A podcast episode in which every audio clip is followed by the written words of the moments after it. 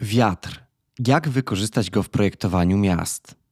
Cześć, ja nazywam się Marcin Wojciech Żebrowski i zapraszam Cię na najnowszy odcinek Urbcastu, mojego podcastu o miastach, urbanistyce, architekturze i nie tylko.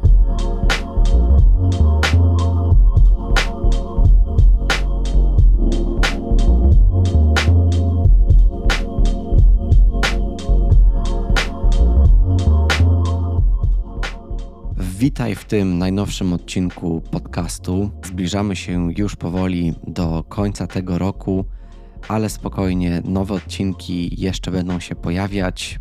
Nie wiem, czy planuję w ogóle w tym roku przerwę, bo mam na szczęście okazję do tego, żeby spotykać naprawdę bardzo ciekawych i inspirujących ludzi. Ta lista osób, z którymi mam ochotę porozmawiać na tematy miejskie, urbanistyczne, architektoniczne, no praktycznie nigdy się nie kończy. I dzisiaj chciałem porozmawiać o takim kolejnym ważnym aspekcie, o którym myślę, że nie mówi się aż tak dużo. Być może, jeśli śledzisz ten podcast na przestrzeni ostatnich kilku tygodni, to mogłeś lub mogłaś zauważyć, że poruszam takie tematy związane z naturą, przyrodą, bioróżnorodnością, ponieważ rozmawialiśmy o roli architektów, architektach krajobrazu w projektowaniu naszych miast w zgodzie z naturą. W zeszłym odcinku po polsku rozmawiałem też z Karolem Podymą o tym, jak powinniśmy i po co w ogóle powinniśmy e, w naszych miastach siać łąki kwietne, a dzisiaj porozmawiamy o aspektach właśnie związanych z wiatrem i aerodynamiką w naszych miastach. Bo tak naprawdę jak często zastanawiasz się nad wiatrem, który spotykasz codziennie na swojej drodze? Bo nie musisz mieszkać w mieście nadmorskim, nie musisz mieszkać w Trójmieście, nie musisz mieszkać w Kopenhadze, żeby poczuć na swoim ciele mocniejszy lub słabszy wiatr w zależności od dnia. I o tym właśnie porozmawiamy, czyli jak wiatr wpływa na nasze życie, czego nie powinniśmy z nim robić i jak możemy wykorzystać go do mądrzejszego projektowania naszych miast. Rozmawiamy tutaj trochę właśnie z perspektywy projektanta miasta, ale nie tylko. A moją dzisiejszą gościnią jest niezwykle inspirująca osoba, czyli Katarzyna Zielonko-Jung, która jest architektką pracującą w Katedrze Projektowania Środowiskowego na Wydziale Architektury Politechniki Gdańskiej na stanowisku profesora nadzwyczajnego i warto podkreślić, że jej zainteresowania naukowe skupiają się wokół właśnie takich zagadnień architektury proekologicznej, a szczególnie na tematach związanych właśnie z wiatrem i aerodynamiką. Pani Katarzyna jest autorką i współautorką wielu publikacji dotyczących zagadnień właśnie proekologicznych, a także bardzo ciekawego artykułu na temat właśnie wiatru, który ukazał się na łamach architektury i biznes kilka lat temu. I to właśnie ten artykuł zainspirował mnie do tego, żeby porozmawiać o temacie wiatru w naszych miastach. Jeśli temat Cię zainteresuje, to dodaję też w opisie tego odcinka link do tego artykułu. A teraz zapraszam Cię już na rozmowę z panią Katarzyną, w której porozmawiamy o tym, skąd wzięła się właśnie jej pasja do mm, takiego proekologicznego podejścia w projektowaniu, czym tak naprawdę jest wiatr i jak wpływa na nasze miasta, co powinniśmy wiedzieć o zasadach aerodynamiki, czym są kliny napowietrzające, jak i czy w ogóle jesteśmy w stanie okiełznać wiatr, a także jak wykorzystać wiatr w projektach, żeby nasze miasta były po prostu jeszcze lepiej zaprojektowane. Zapraszam.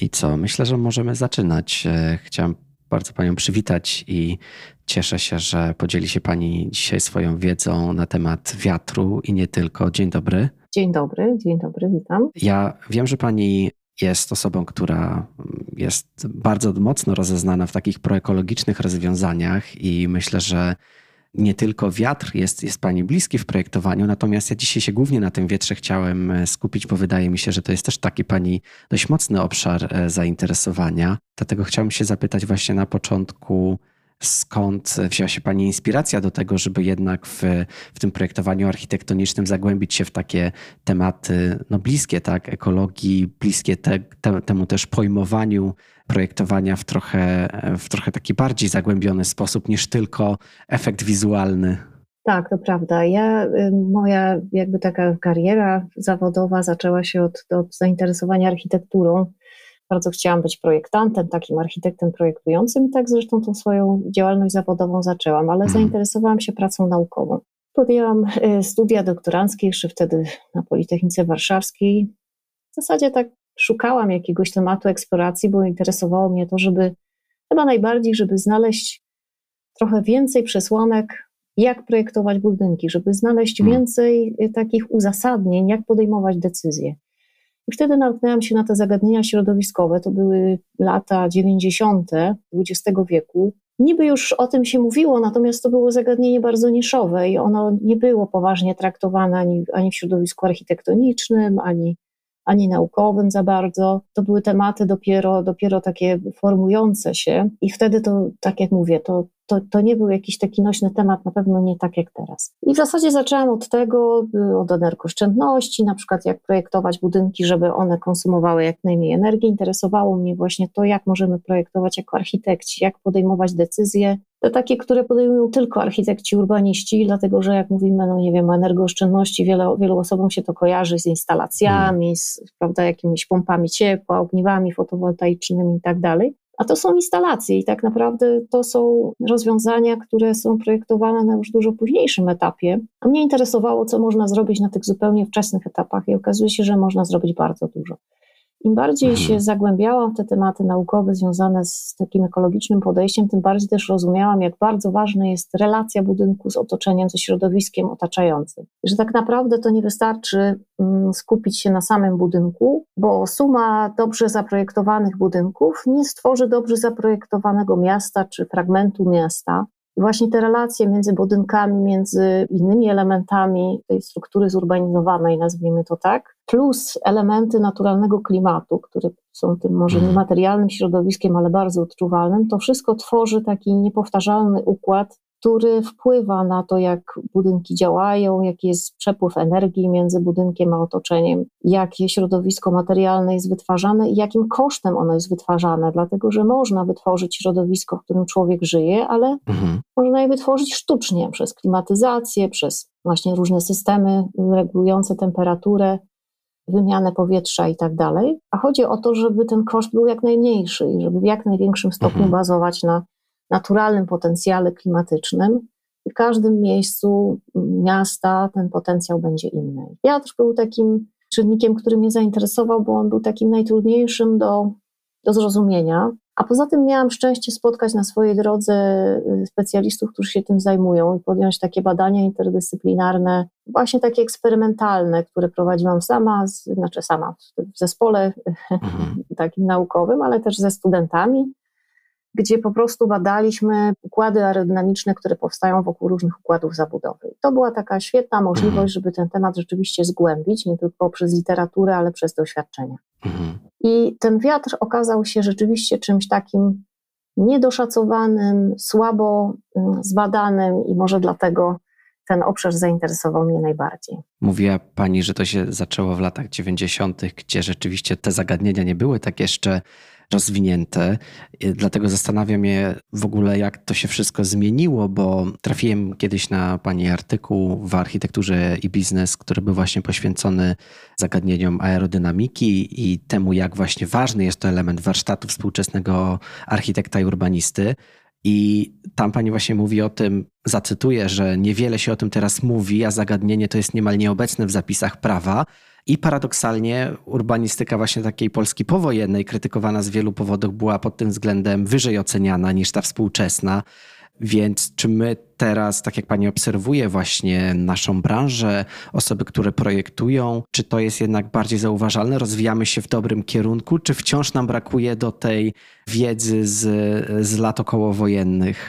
Też trzeba tutaj rozdzielić jakby dwie rzeczy. Na pewno mamy lepsze narzędzia, żeby te zjawiska mhm. badać. One są bardzo trudne do rozpoznania, bo to są takie bardzo skomplikowane modele matematyczne, za pomocą których oblicza się dane charakteryzujące zjawiska wiatrowe. Natomiast w tej chwili te narzędzia cyfrowe, rozwój metod różnego rodzaju symulacyjnych, coraz większa dostępność tych metod sprawia, że dostajemy dużo większe możliwości niż miało to miejsce wiele lat temu.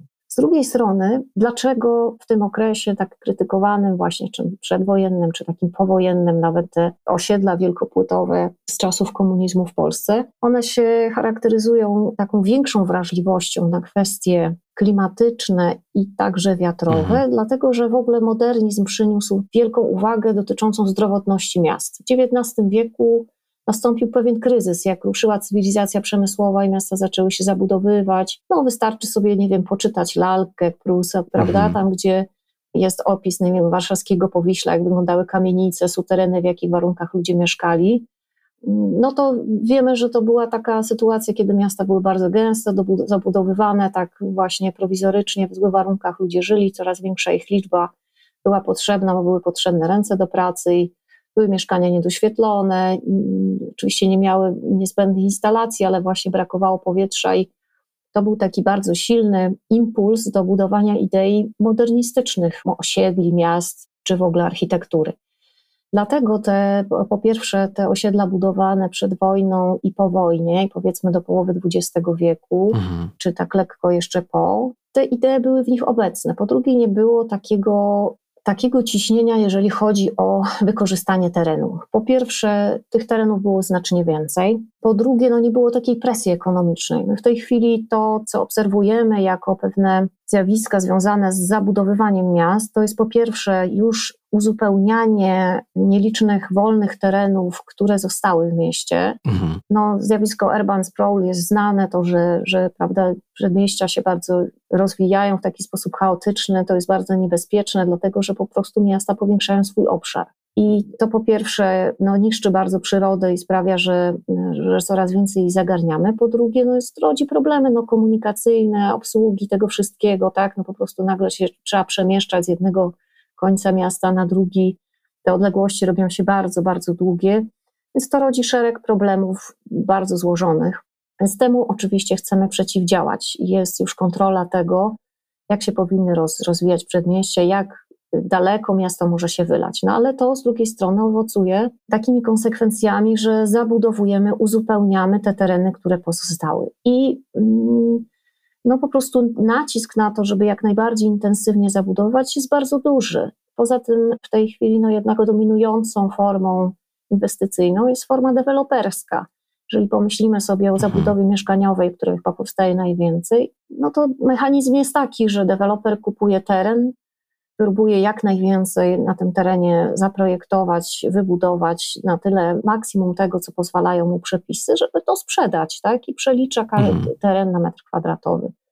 I kwestie, o których mówiłam, właśnie tej zdrowotności, tych pewnych zasad, które kiedyś może nie były takimi y, przyjaznymi narzędziami w taki dokładny sposób modelowane jak teraz, no pewne zasady jednak były formułowane mhm. i architekci po prostu je stosowali, a w tej chwili no, nie jest to wymagane przepisami i po prostu nie jest stosowane.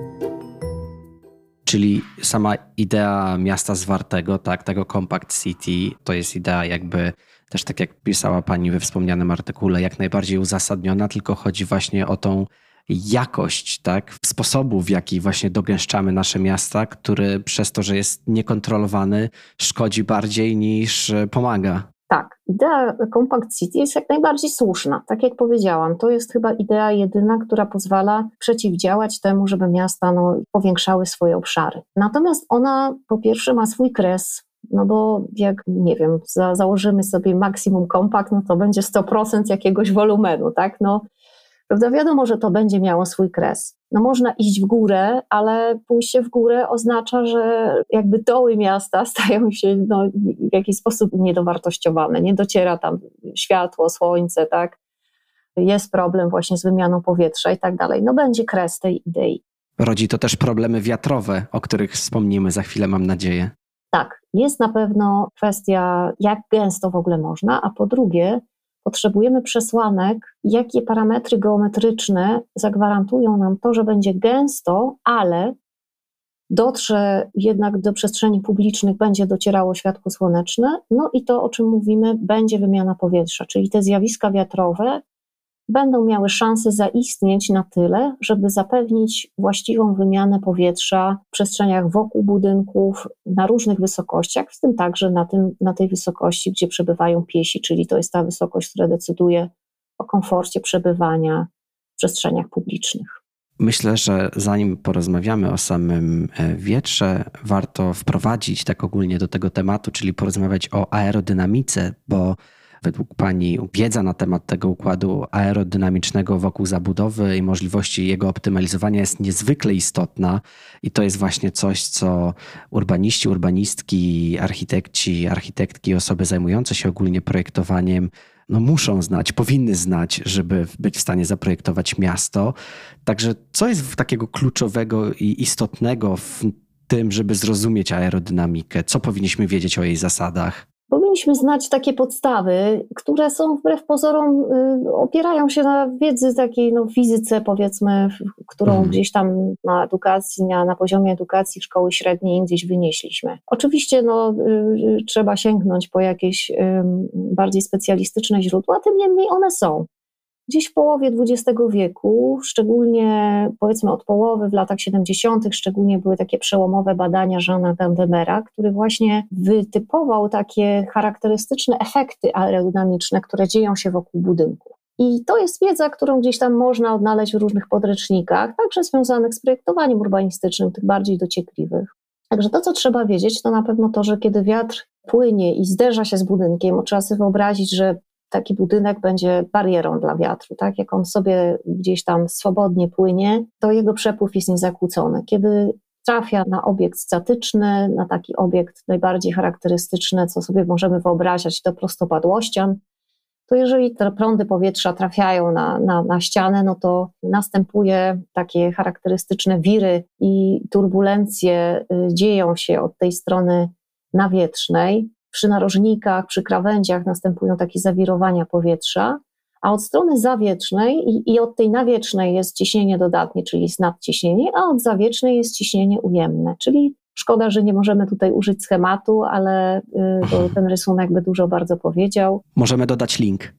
możemy dodać link. I rzeczywiście to, co dzieje się wokół takiego wyizolowanego, nazwijmy to, budynku, czyli takiej bryły, bardzo mm, możemy sobie łatwo wyobrazić. Rzeczywiście takie modele i takie efekty, wyniki takich badań są już publikowane od wielu lat. Bardziej skomplikowane dzieją się rzeczy, jeżeli tych budynków jest więcej, prawda? To możemy sobie to wyobrazić, że no nie ma takiej sytuacji, że mamy budynek na, na środku niczego. Jeżeli sobie wyobrazimy miasto, no to jest to bardzo, bardzo złożona struktura geometryczna i te zjawiska po prostu na siebie nawzajem się nakładają. Są budynki różnej mhm. skali, o różnych układach, też skomplikowanych kształtach i tam po prostu się dzieje bardzo dużo. Właśnie w latach 70. Jean Gandemer opisał kilkanaście takich efektów, na przykład to, że jeżeli mamy jakąś ulicę o, o danej szerokości i ona nam się zawęzi, czyli nazwijmy, wyobraźmy sobie, że będzie to jakiś taki lejkowaty kształt, albo jest na przykład długa, długa pierzeja elewacyjna i będzie przerwa między, między takimi dłuższymi zabudowanymi fragmentami, to w tych przewężeniach, w tych przerwach wiatr na przykład będzie gwałtownie przyspieszał, bo nagle zwęża się znacznie jego przekrój, jakby, czyli ta przestrzeń, która jest polem jego ekspansji, i ta prędkość będzie przyspieszała. Jeżeli na przykład mamy dany kierunek wiatru i ten wiatr wpadnie, w, czyli wniknie w ulicę, znawcy klimatu używają mhm. takiego slangu kanionu ulicznego. Mhm. Jeżeli taki wiatr wpadnie w kanion uliczny, to on, ten, ten wiatr zmieni kierunek, nawet y, jeżeli on jest jakiś, to w jakimś tam promieniu, powiedzmy kilkudziesięciu, niewielkich kilkudziesięciu stopni, ten wiatr może zmienić kierunek. Jeżeli te, te, te kąty są inne, to tam powstają zawirowania i to już jest bardziej skomplikowane. Przy wysokim budynku, jeżeli jest na przykład sytuacja, kiedy niższy budynek stoi przy wyższym, możemy się spodziewać, że przy tym wyższym będzie taki wir spływający, który będzie powodował, że w dolnych partiach budynku, czyli w tej strefie, gdzie chodzą ludzie, gdzie nie wiem, są drzwi wejściowe, klatki schodowe na przykład, będą takie zawirowania, nieprzyjemne powietrza, które sprawią, że nawet idąc bezwietrzny w miarę dzień, czy mało wietrzny, tam akurat będzie nam, nie wiem, zrywało czapkę z głowy, czy prawda, wyrywało siatkę, czy nie wiem, coś, co tam akurat niesie. Mm. Także są takie charakterystyczne elementy, czy sytuacje, czy takie układy geometryczne, gdzie możemy się spodziewać jakichś zjawisk. Są też opisane pewne relacje geometryczne, które powodują na przykład, że ulice o określonych proporcjach, nazwijmy to ulice płytkie, ulice głębokie. Ulica płytka to będzie taka, że wysokość budynku w stosunku do szerokości ulicy no jest taka, że ta, że ta szerokość wydaje się taka obszerna, a ulica głęboka to będzie właśnie taki głęboki kanion, tak wąska ulica, wysokie mhm. budynki.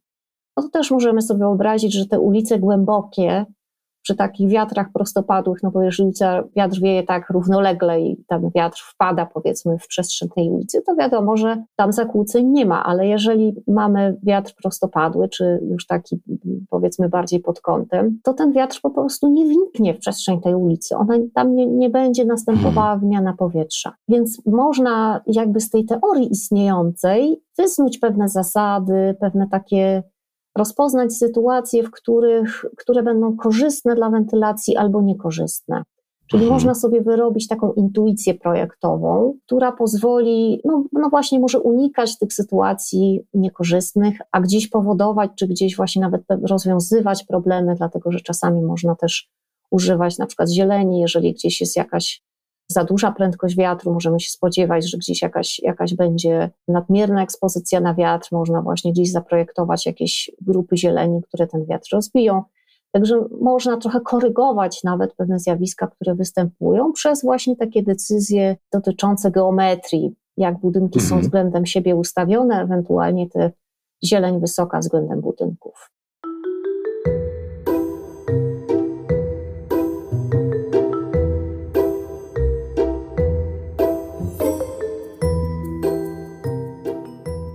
Ja mam teraz takie zadanie, taką pracę domową dla osób, które nas teraz e, słuchają, żeby też właśnie po przesłuchaniu tego odcinka, czy może jeśli ktoś słucha nas teraz na spacerze, właśnie, żeby zastanowić się, jak ten wiatr na nas oddziałuje, bo podawała też Pani taki przykład e, efektu kanału i do tego możemy, myślę, przypisać ulicę, którą prawdopodobnie większość osób słuchających zna, czyli ulica Bohaterów Monte Cassino w Sopocie, popularny Monciak i pamiętam, że Pani też używała tego przykładu, żeby opisać to, jak działa ten efekt kanału. Także myślę, że my e, nawet nie zdajemy sobie sprawy, jak często doświadczamy tych wszystkich efektów aerodynamicznych w naszych miastach. Tak, doświadczamy. Takie bardzo charakterystyczne miejsca to są w osiedlach wielkopłytowych, jak bloki na ogół takie wydłużone, prawda, ten typy bloków z taką ślepą ścianą szczytową, prawda, bo to na ogół są prostopadłościany, mhm. dłuższe lub krótsze. Te ściany szczytowe są krótkie, na ogół właśnie bezokienne. I te bloki nieraz są zestawiane względem siebie, albo właśnie tworzą takie szeregi, albo, ale jest przerwa między nimi. No i charakterystyczne na przykład osiedle Zaspa w Gdańsku, gdzie takie heksagonalne są układy, no to właśnie te przerwy między jakby kątach tych heksagonów, to jest taki bardzo, no to już jest taki modelowy przykład, że to jest miejsce, gdzie te wiatry będą przyspieszać. Także gdyby na przykład ktoś chciał próbować wykorzystywać jakieś turbiny wiatrowe, wykorzystywać energię wiatru, taką, która w wielu miejscach powstaje, no właśnie są te prędkości, które nawet są za duże i gdzieś nam przeszkadzają, czy one nie są niebezpieczne, no bo po prostu wystarczy, że nie będziemy tam, nie wiem, jakichś ciągów pieszych projektować, tak? Będziemy się starali gdzieś znajdować miejsce dla ludzi, gdzie oni przebywają, czy gdzieś tam się przesuwają w miejscach, gdzie tych przyspieszeń gwałtownych nie ma, no bo nawet myślę, że nie sposób jest uniknąć takich sytuacji, że one mhm. będą, ale one na przykład są świetnymi miejscami do, do tego, żeby właśnie próbować tą energię wiatru odzyskiwać, przekuwać na energię, którą możemy używać do jakichś tam swoich celów. Mhm. Też tak w Warszawie taki jest chyba akademik y, Riviera, jeżeli nie mylę nazwy, który też bardzo, bardzo charakteryzuje się tym, że tam idąc nawet w dzień mało wietrzny, tam po prostu zawsze wieje. Są takie uderzenia wiatru nagle mhm. zaskakujące, zastanawiające. Jest taki dom Bogusławskiego, tak zwany dom pod Szczęką na ulicy Smolnej w Warszawie. Mhm. Też taki jeden wysoki, przy którym jakby ktoś się tam przeszedł, idąc ulicą Smolną, która ma wysokość no taką, no takich typowych kamienic tamtego okresu i ten jeden budynek tam wyizolowany, oderwany, wyraźnie wyższy i jeszcze właśnie przy skarpie wiślanej, no to tam są też na przykład bardzo takie charakterystyczne uderzenia wiatru, nawet w dzień, w którym byśmy się tego nie spodziewali. Także wiele takich miejsc w mieście jest, także uczulam do takich eksperymentów, szukania takich miejsc w miejscach, gdzie Państwo, nie wiem, chodzą, przebywają, mieszkają. To jest myślę, że ciekawy eksperyment i zabawny, żeby takie miejsca wyszukać. Tak, chodzi o to, żeby właśnie spróbować na własnej skórze i to dosłownie przekonać się o tym, jak działa wiatr. Być może to jest teraz właśnie dobry moment, żeby wrócić trochę do takich podstaw.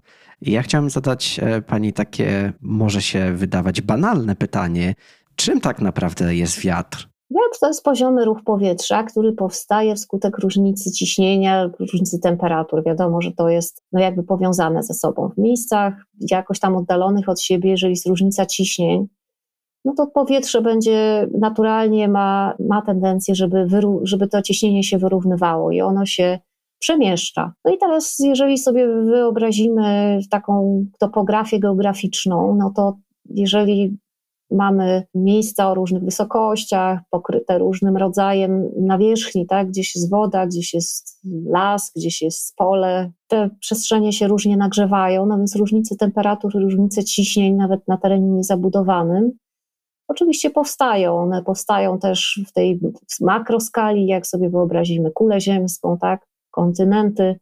No to te różnice ciśnień, można powiedzieć, są taką, mają swoją mhm. dynamikę, są nieuniknione i konsekwencją tego jest ruch powietrza, który odczuwamy jako wiatr. I teraz przychodzi dla mnie bardzo ciekawa część, bo chciałem jeszcze zagłębić się trochę w ten wiatr w naszych miastach, czyli e, jaka jest w ogóle jego rola. No i też czym są takie kliny napowietrzające, bo to mi się wydaje jest taka rzecz, która jest może powszechniej znana. Niestety mi się wydaje, że w trochę takim bardziej negatywnym kontekście, bo słyszy się o tym właśnie, jak niektórzy deweloperzy zabudowywują kliny napowietrzające, które są bardzo istotne. Więc jak byśmy mogli też do tego wiatru w mieście podejść?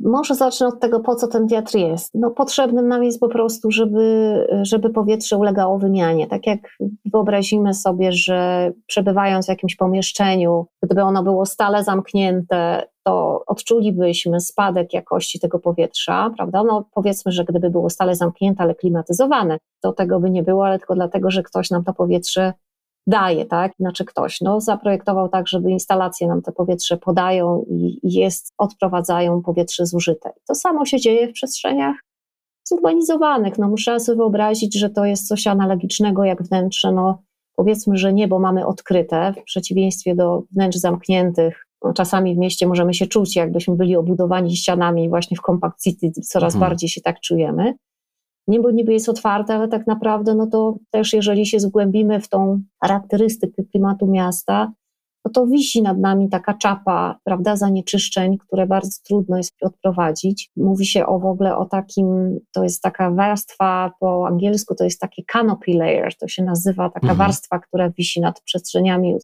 zurbanizowanymi. To jest ta, ta warstwa, w której się właśnie dzieją zjawiska, które odczuwamy. Powyżej już jest inna warstwa atmosfery czyli taki baldachim można powiedzieć. Mhm. No i właśnie tu unoszą się, dzieją się te zjawiska, właśnie te ruchy przyspieszenia, spowolnienia, czyli taka bardzo duża dynamika jest zjawisk aerodynamicznych w mieście w stosunku do terenów otwartych, ale też unoszą się wszystkie substancje, które zanieczyszczają powietrze. One się przemieszczają, przesuwają i jeżeli nie będzie wymiany tej powietrza, jeżeli one nie będą usuwane, no to możemy sobie łatwo wyobrazić, że będzie efekt tak jak w pomieszczeniu niewietrzonym tak, że, że jakość tego powietrza spadnie.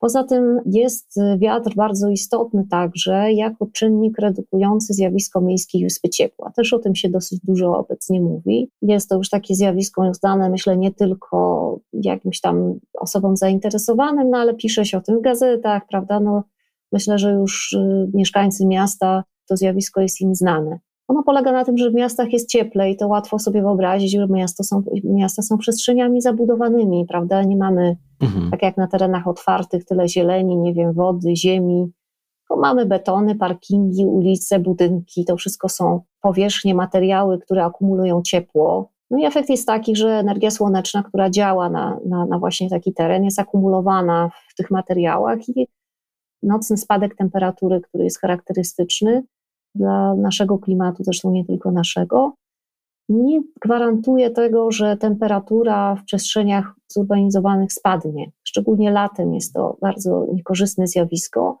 Tak jak na terenach otwartych czujemy, że nawet po gorącym dniu przychodzi noc, która przynosi spadek temperatury i właśnie schładza to wszystko i dzięki temu otoczenie jest przygotowane na następny dzień mhm. z wysoką temperaturą, to w mieście tego schładzania nie ma. W związku z tym ono się nagrzewa i nagrzewa i nagrzewa. Wiemy, że temperatura sukcesywnie rośnie, jednak klimat się ociepla.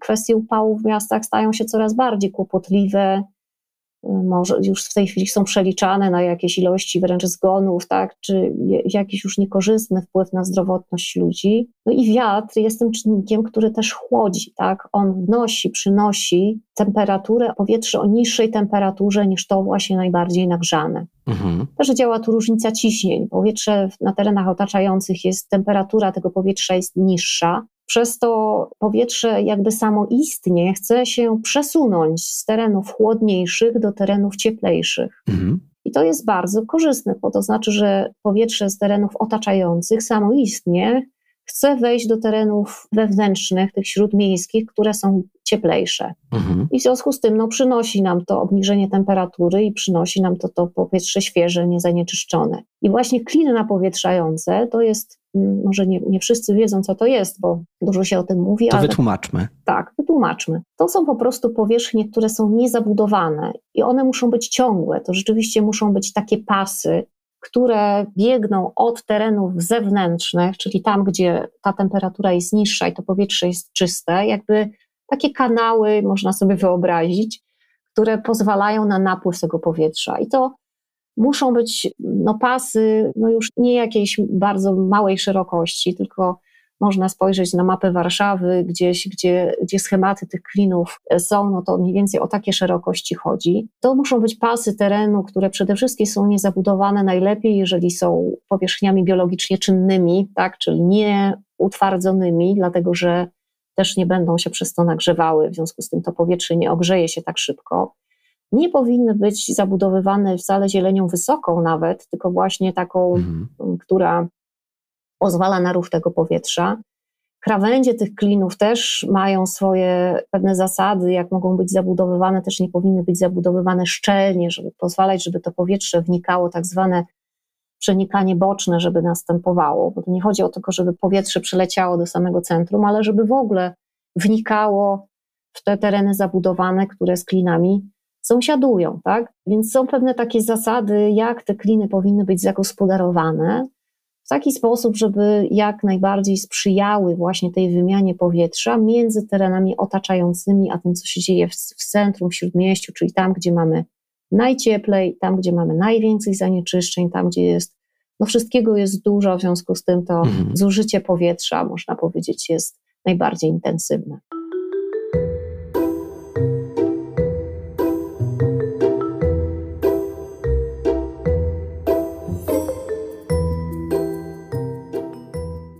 Porozmawiajmy jeszcze o prędkości samego wiatru, w takim kontekście, czy ten wiatr jesteśmy w stanie okiełznać, bo Tutaj też w wspomnianym artykule przytacza Pani e, różną, taką skalę wiatru, tak? że wiatr o prędkości 2 metrów na sekundę jest tylko odczuwalny na, na skórze, potem przy 4 metrach na sekundę staje się już uciążliwy, rozwiewa włosy i tak dalej. Wiatr powyżej 5 staje się niekomfortowy, a około 9-10 to już się nie da otworzyć parasola, a powyżej 10 to jest trudno chodzić. I przyjmuje się właśnie taką zasadę, że prędkość wiatru w obszarze ruchu pieszego nie powinna przekraczać tych 5 metrów na, na sekundę przez więcej niż 20% czasu w stosunku rocznym.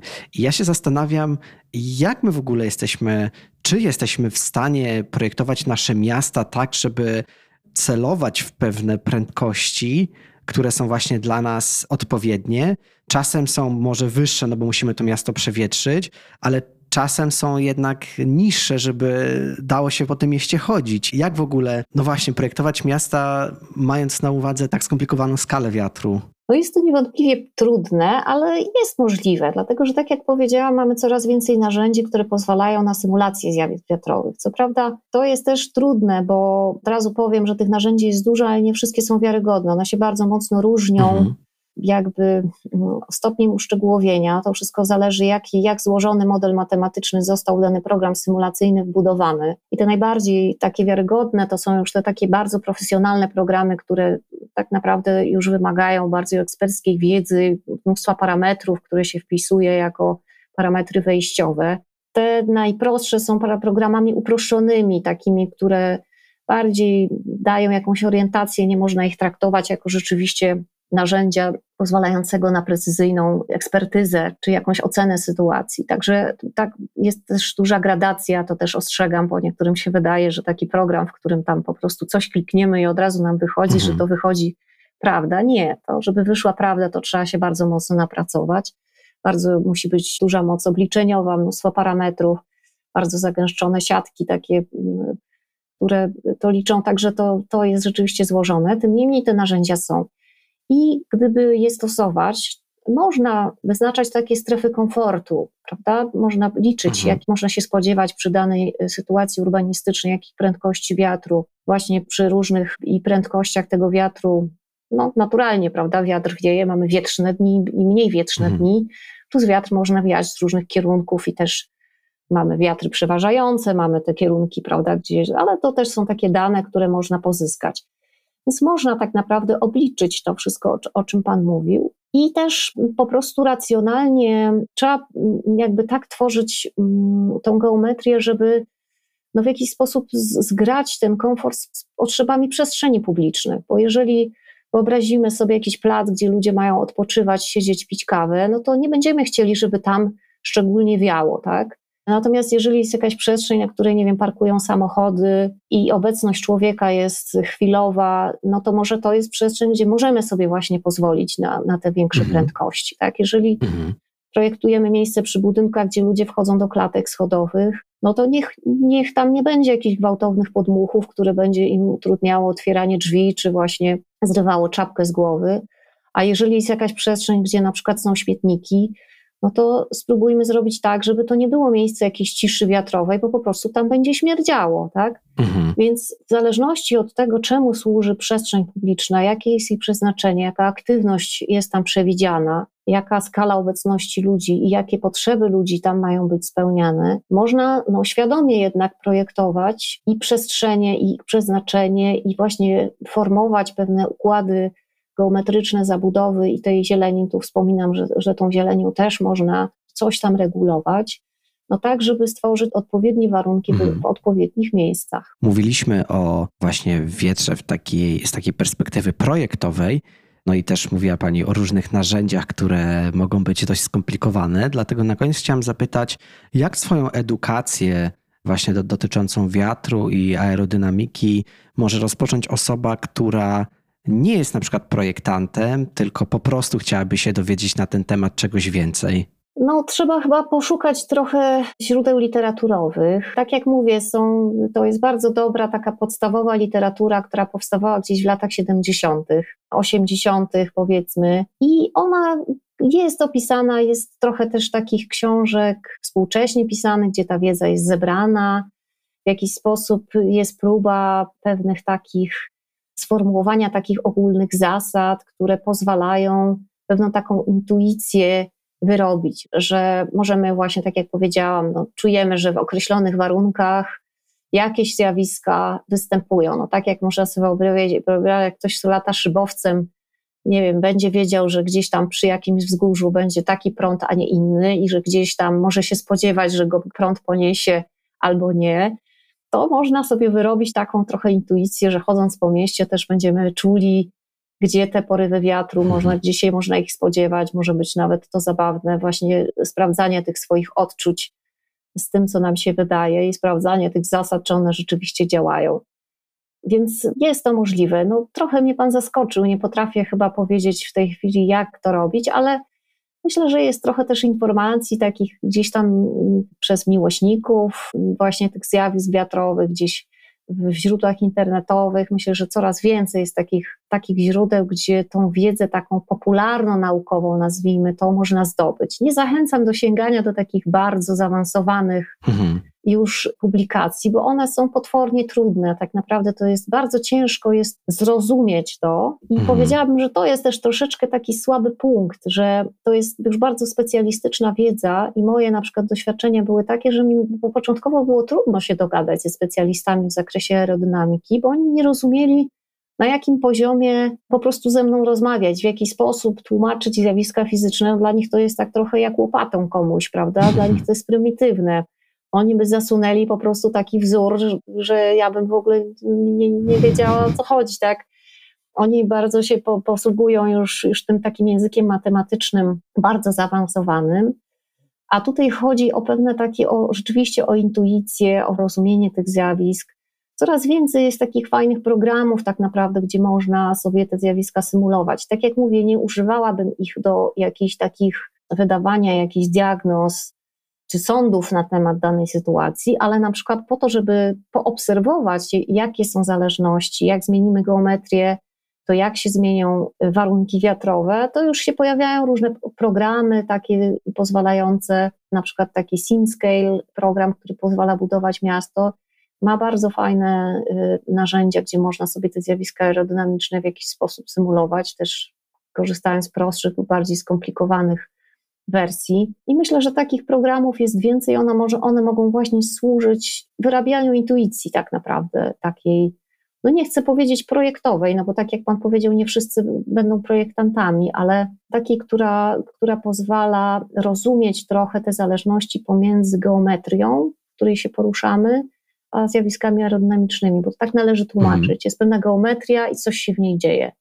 Oczywiście mhm. tam jeszcze powierzchnie nie są, bo zależy jak się co nagrzewa. Jak zaczniemy wchodzić głębiej, to już nie jest takie proste, ale myślę, że dla takich osób, które są po prostu zainteresowane i chciałyby czegoś więcej się dowiedzieć, myślę, że że ta geometria, od tego można zacząć. Ale cieszę się, że na początku pani poszła w książki, w jakieś publikacje, bo to jest bezpośrednia zapowiedź właśnie mojego ostatniego pytania. Wiem, że no powiedziała pani, że jest to być może trudne, żeby polecać jakieś publikacje, no bo mogą być one jednak specjalistyczne, ciężkie do zrozumienia, ale być może mogłaby pani jednak polecić na koniec coś, co byłoby może bardziej przystępne i związane z tematem. Chodzi mi o polecenie książki. Mogę polecić e, jedna książka, którą uwielbiam i uważam, że jest bardzo fajnie tłumaczy zjawiska aerodynamiczne, chociaż ona jest może bardziej dla architektów i urbanistów, choć uważam, że nie tylko. Nazywa się City and Wind. Może też gdzieś tam możemy się posłużyć linkiem. Tak. Rozwinięcie tego tak. tłumatu to jest Climate as an Architectural Instrument. I to jest taka książka opisująca wiatr w bardzo różnych aspektach tego, jak człowiek odczuwa, jak, jak komfort wieczny jest rozumiany, ale też właśnie są opisane te zdobycze nauki, właśnie zjawiska Gandemera, opisane, o których mówiłam, i późniejsze, taka trochę, trochę geneza jakby naszej wiedzy i taka ocena, co, co już jako cywilizacja wiemy, tak, a, mhm. a nad czym jeszcze trzeba pracować. To jest bardzo ciekawa książka. I druga, na którą się natknęłam, też ciekawa, Weather in the City, czyli klimat w mieście, How Design Shapes the Urban Climate. Autorem tej pierwszej książki jest Marike Krautheim, Ralf Passel, Sven Pfeiffer i Joachim Schulz-Granberg. Dom Publishers to opublikowało, a tej drugiej Sanda Lensholzer. I ta, w tej drugiej, ta druga jest może taka prostsza, dotyczy nie tylko wiatru, ale w ogóle właśnie takich zjawisk pogodowych w mieście. Jest z kolei opatrzona takimi bardzo przystępnymi rysunkami, pokazującymi schematy tego, jak w danych sytuacjach urbanistycznych co się dzieje, jak można y, w jakiś sposób polecane i niepolecane, powiedziałabym, decyzje, taki zbiór pewnych takich, taki przewodnik, powiedziałabym, w którym zebrano dotychczasową wiedzę na temat zjawisk powodowych w miastach. Także jeżeli by ktoś chciał e, zaczynać swoją przygodę, to myślę, że te dwie książki byłyby bardzo dobre. Okej, okay, super. No to właśnie o to, o to chodziło, żeby w taki przystępny sposób przedstawić temat. Myślę, że brzmią one w taki sposób właśnie tak zachęcający także dla laików. Także dziękuję za to polecenie. I ogólnie chciałem Pani Katarzyno bardzo serdecznie podziękować za naszą rozmowę, bo myślę, że było to naprawdę, naprawdę pouczające. Bardzo dziękuję za zaproszenie. Ja się cieszę, że mogę uczestniczyć w takich rozmowach. Takie zaproszenia w miarę swoich możliwości czasowych przyjmuję, dlatego że uważam, że im więcej osób interesuje się tym zjawiskiem, tymi problemami, zdaje sobie sprawę, że jest to jakiś temat, dyskutuje w tym zakresie, ma jakieś zdanie na ten temat, tym większa będzie świadomość mieszkańców, więcej, więcej jako, nie wiem, społeczność miejska możemy też w jakiś sposób zdziałać. Wiedza jest chyba taką podstawą, żeby coś zmieniać na lepsze. Dziękuję bardzo. Też mam taką nadzieję, Pani Katarzyno, dziękuję.